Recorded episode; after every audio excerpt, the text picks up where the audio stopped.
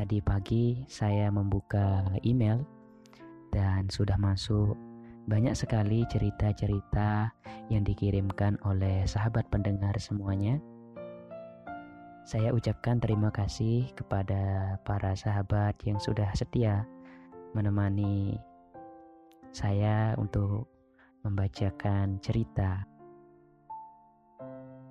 Baiklah, tanpa berlama-lama, pada malam hari ini saya akan membacakan sebuah cerita yang dikirimkan oleh Landolo Konari yang berjudul Nurani Seorang Pelacur.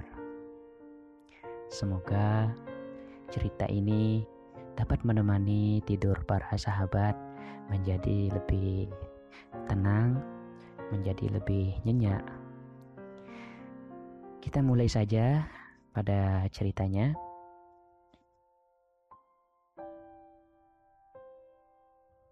Malam masih belia. Aku sedang duduk di dalam kamar, memandang beberapa gambar di tembok. Mengenang beberapa orang yang kukenal, lalu kembali lagi merenung.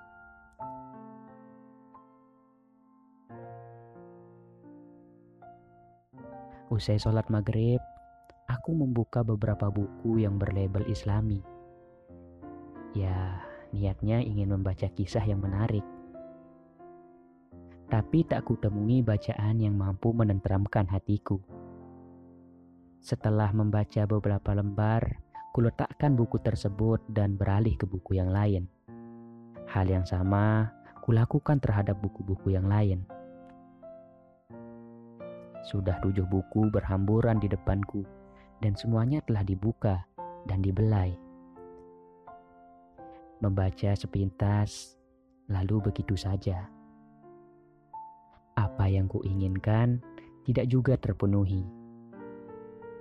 Kubiarkan saja buku-buku berantakan di dalam kamar yang berukuran 4 kali 3 itu.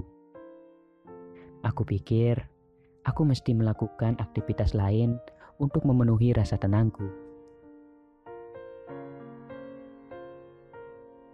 Suatu malam, Ketika bulan tak tertanggal, kegelapan menyelimuti sebuah kota.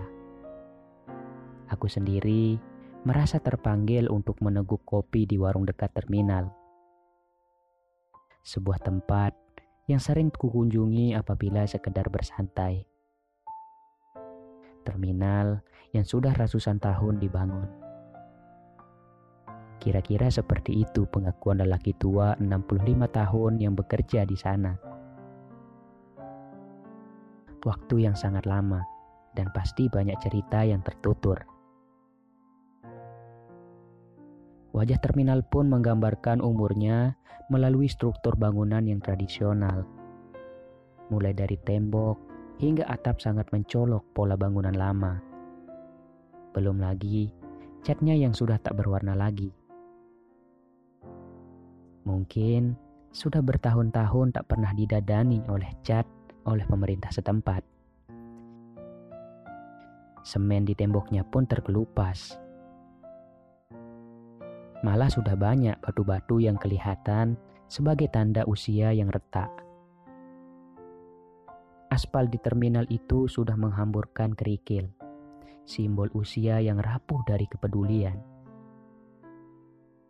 Di sekitarnya banyak mobil tua yang terpaksa diparkirkan ada pula yang terpaksa beroperasi walau suara mesin yang seok-seok.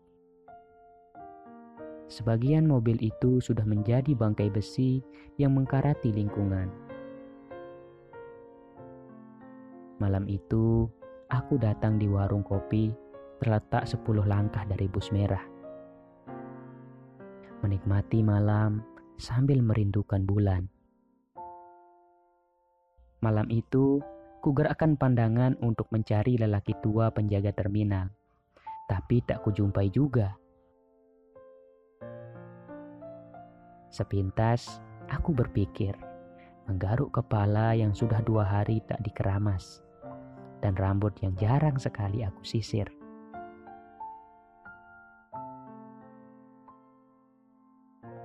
Ini kopinya. Ya, Bu Mimi, pemilik warung yang menyajikan segelas kopi hitam yang baru saja ia seduh. Kopi yang ia tumbuk sendiri. Setiap aku datang, ia selalu cepat menyeduh kopi tanpa bertanya dulu atau tanpa dipesan olehku. Sebab ia tahu sesuatu yang bisa kunikmati apabila berkunjung di warungnya. Bu Mimi berjualan di terminal ini sejak tujuh tahun yang silam. Katanya, ia hanya dengan berdagang kecil-kecilan agar mampu mengurus keluarganya. Hidupnya ditemani oleh dua orang anak. Suaminya telah wafat lima tahun yang lalu. Aku menjawab, "Iya, terima kasih." Lantas dengan heran, ia bertanya, Lihat apa? Sepertinya ada yang kau cari. Tanya Bu Mimi sedikit heran. Sepertinya ia perhatikan gerak-gerikku tadi. Aku menjawab, Ibu, kenal lelaki tua yang sering duduk di sekitar tiang itu. Kutunjuk tiang yang mulai rapuh itu di sebelah kanan kantor terminal. Maksudmu Pak Idrus? Lelaki tua yang rambutnya ubanan itu? Bu Mimi mengurai ciri khas laki-laki yang kucari. Betul, Bu. Aku membenarkan. Walau tak ku tahu nama lelaki yang kucari itu. Soalnya tak pernah kutanyakan namanya. Mungkin ini menjadi kebiasaan buruk yang kupelihara. Jarang tanya nama orang jika ketemu atau ngopi bareng dengan orang lain. Kalau orang tersebut belum terlalu akrab. Lantas Ibu Mimi menjawab, "Dia sudah pulang kampung," katanya. Tak tahu juga alasannya. Bu Mimi menjelaskan, Mendengar jawaban janda beranak dua pemilik warung itu, aku hanya menganggukkan kepala. Setelah itu, tak kutanya lagi. Karena aku datang juga bukan tujuannya mencari seseorang, melainkan ingin minum kopi.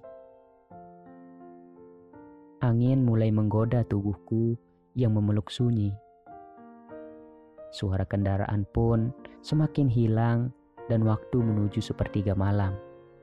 Mengisi kesunyian, memori melacak ulang peristiwa yang sempat menghebohkan negeri ini. Aku mengenang tragedi pengeboman, kasus pembunuhan di banyak daerah, perang polisi dan teroris, pengeboman alam yang dilakukan oleh negara, kemudian hasilnya diberi secara sukarela kepada asing.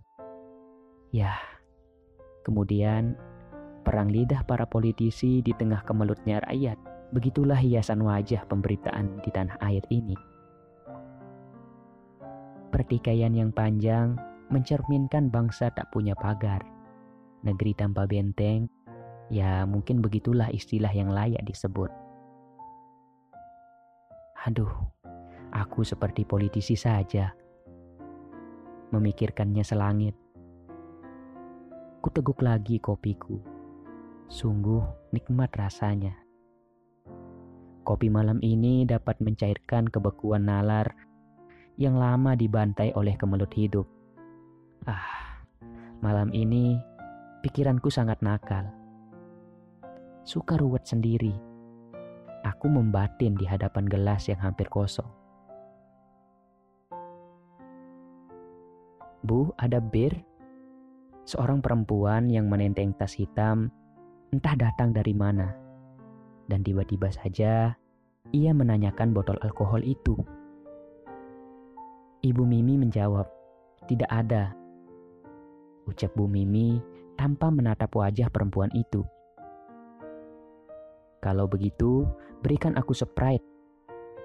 Setelah menerima soft drink yang dipesannya, perempuan berambut panjang lurus dengan bibir dihiasi lipstik merah muda, baju hitam polos, dan memakai celana jeans biru, berbadan tinggi sekitar 160 cm. Kini dia duduk di sampingku.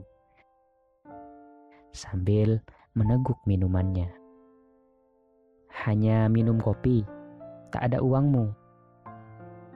Ia menebak kebingunganku dengan pertanyaan-pertanyaan yang aneh. Lantas, aku menatapnya sejenak. Dari kening hingga kaki. Mungkin dia hanya bercanda saja, karena melihat penampilanku yang amburadul. Bisa pula ia sedikit mabuk. Hanya ini yang paling kusuka. Kulirik bekas kecupan di lehernya. Masih sangat merah. Oh, kukira cowok tak berduit. Pentingkah? Malam-malam begini kau cari cewek? Atau ada masalah sama istri? Pacar mungkin? Lalu pelariannya di tempat seperti ini? Pertanyaan dia itu semakin tak terkontrol. Aku risih mendengarnya. Apakah orang yang suka jalan tengah malam selalu dianggap buruk? Dia bicara tanpa mikir panjang. Mulutnya memuntahkan tanya sebagai seorang yang membuang ludah di saat jijik melihat bangkai. Seloroh begitu saja kata-katanya. Tidak, jawabku. Lantas dia menjawab, "Kalau kau butuh cewek, ngomong. Aku bisa bantu untuk kepenuhan birahimu." Aku sedikit kesal mendengar ucapannya. Aku butuh ketenangan dalam menanggapi setiap tanya yang dicelotehkan. Aku perlu mengikuti irama pembicaraannya. Kadang hidup ini butuh diimbangi supaya ada ujung ceritanya. Aku perlu mengikuti irama pembicaraannya. Lantas aku bertanya, berapa yang harus aku bayar untuk malam ini? Jika pertanyaanmu kusetujui, tanyaku dengan hati yang sedikit bergemetar. Aku tak bisa menghadapi situasi yang kini sedang menghadang. Tak biasa kuhadapi dan jalani kehidupan seperti yang terjadi sekarang. Tetapi, aku ingin saja jejaki alur kegemaran perempuan yang sedikit sinting malam ini. Dia menjawab, cukup 500 ribu saja. Soalnya sudah terlanjur malam. Sebentar lagi, aku mau istirahat maka tak apalah harga penutup malam bersamamu. Matanya berharap tanpa malu. Lantas, tak kuucapkan tanda setuju. Aku memberikan isyarat mata bahwa malam ini ingin bersamanya. Dia pun memahami harapan di ujung gerak mataku ketika mata kami beradu pandang. Malam sangat sepi. Di langit tak ada lagi bintang yang mengintip. Aku melihat para penjual yang sedang merapikan warung dan gerobaknya. Ojek pun masih tersisa tiga orang di perempatan jalan dekat perkantoran itu. Aku mengendarai motor mengikuti arah perempuan tadi. Entah ke mana ia akan membawaku. Sebagai laki-laki yang membutuhkan sesuatu pada perempuan, maka turuti sepenuhnya. Kami telah tiba di sebuah rumah yang terletak di pinggir kota. Rumah yang bertembok hijau, atap seng, halamannya dipagari dengan bambu tanpa cat. Di depan rumah terlihat sejumlah bunga yang ditata dengan rapi. Satu pohon jambu air terlihat di sudut pagar sebelah kiri depan rumahnya. Untuk sampai di sini, kami menghabiskan sekitar 10 menit. Aku sedikit khawatir menoleh ke kiri dan ke kanan. Sekedar mengantisipasi saja karena rumahnya yang baru kali ini aku kunjungi. Ayo masuk. Ajaknya setelah pintu terbuka. Ia menarik tanganku. Mama sudah pulang. Suara itu tiba-tiba saja muncul di bilik pintu yang terbuka. Seorang remaja perempuan berdiri mematung ketika melihatku. Kamu tidur dulu. Besok kamu akan sekolah. Ia perintahkan perempuan belia yang baru saja membuka pintunya. Aku bertanya, anak kamu? Tanyaku dengan air muka yang heran. Iya. Dia kelas 2 SMP. Kenapa kamu tegang begitu? Aku menjawab. Hanya ingin memastikan saja. Lalu? Tidak ada. Ya sudahlah, Kau ke sini bukan untuk membahas masalah kehidupanku. Kau ikut aku untuk nge-seks kan? Dan aku menerima lembaran uang yang harus kau bayar. Setelah itu, selesai dan kita tidak punya hubungan apa-apa. Kecuali saling menukar kebutuhan. Kau akan memuncratkan hormon gatalmu dan aku terima uang imbalan setelah menuntaskan nafsumu. Betul kan? Mari masuk ke kamar. Aku juga mau istirahat setelah tuntas melayanimu. Ia mendesak. Tanganku ditariknya. Tetapi aku tetap saja diam. Cepat. Ia menatap heran.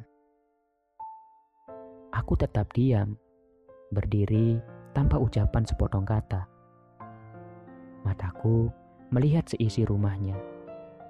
Rumah ukuran sederhana, tiga kamar tidur, satu kamar tamu, kemudian paling ujung ada dapur. Rumahnya yang cukup untuk ukuran dua orang saja. Di kamar tamu ada lemari dua pintu yang diletakkan mengarah ke pintu. Di temboknya ada banyak foto artis yang dipajang. Kemudian, samping pintu, kalender dari salah satu partai politik menggantung.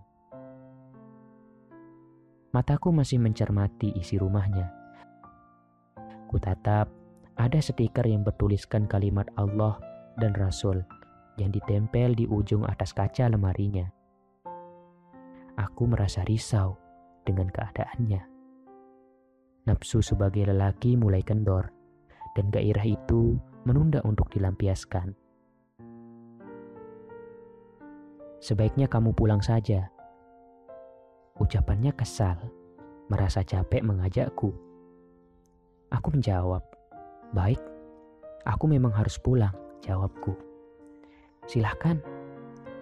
Dia membukakan pintu. Aku ingin bertanya, Tak perlu. Aku tak mau jawab. Hanya satu pertanyaan saja. Pintunya dibuka semakin lebar. Tangannya menunjuk ke arah luar. Kau hanya tinggal berdua. Iya. Kenapa kau melakukan ini? Pedulimu? Aku hanya ingin tahu saja. Sudahlah, Katakan, setelah itu aku akan pulang. Menyimak pertanyaan itu, dia justru terdiam. Kemudian wajahnya menunduk menatap ke lantai. Mungkin semakin kesal atau ada sesuatu yang dipikirkan untuk menjawab pertanyaanku. Pulang, ujarnya dengan suara yang agak tegas. Katakan dulu alasanmu memilih jalan ini. Suaraku meninggi, pelan mendesaknya. Lantas dia diam, lalu mendongakkan kepala, menatap langit-langit rumahnya. Katakanlah, bantulah, aku mendesaknya lagi. Dipandangnya wajahku. Tak terlalu lama, dia menoleh lagi ke lemari Aku hanya ingin menghidupi putriku. Di sisa harapanku yang harus dijaga seperti putri seorang raja. Aku ingin jadikan dia seperti emas di masa yang akan datang, berharga dan dihargai yang pantas. Aku tak pikir kehinaan penilaian orang tentang kelakuan seorang pelacur. Aku tahu menjadi wanita sundal selalu diremehkan, tentu juga tak mendapatkan apa-apa di mata masyarakat. Tetapi perlu kutegaskan bahwa ini demi seorang putri yang ditinggalkan seorang ayahnya. Seorang ayah yang kini lebih memilih menikah dengan wanita yang lebih baik. Begitu pengakuannya. Suara parau bernada pilu dan wajah yang merenung masa kelam. Sungguh terluka dia melakoni jalan hidupnya. Dia berjalan mendekati tembok, lantas menyandarkan dirinya.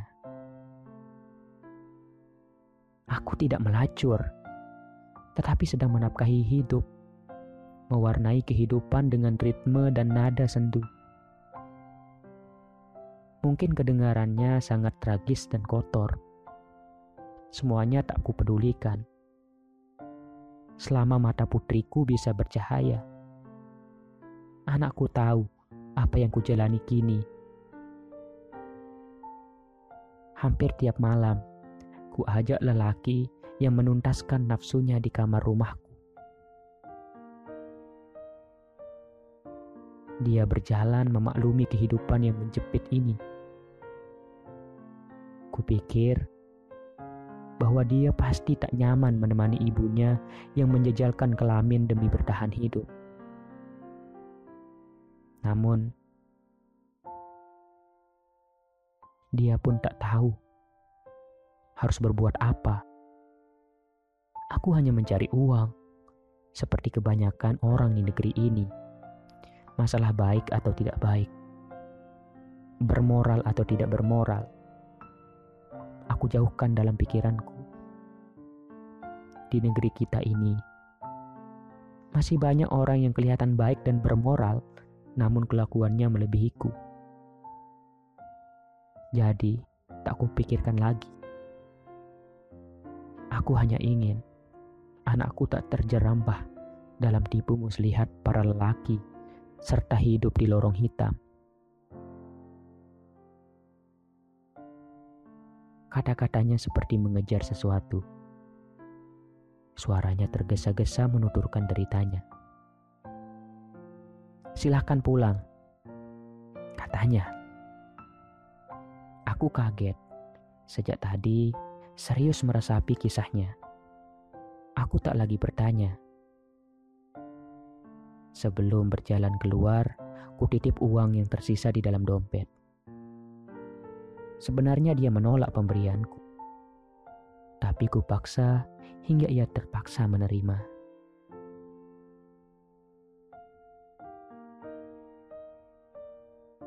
Baiklah, lanjutan daripada kisah ini akan saya bacakan di video selanjutnya. Semoga para pendengar sekalian dapat terhibur dan semoga tidur sahabat sekalian nyenyak. Selamat malam. Semoga kalian semua mimpi indah.